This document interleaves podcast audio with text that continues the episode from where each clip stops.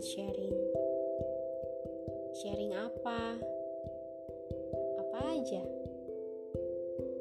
Karena buatku hidup ini sayang banget kalau nggak dimaknai. Padahal hidup ini penuh dengan arti. Lama-lama kamu juga bakal ngerti. Selamat menanti dari aku yang suka berpuisi.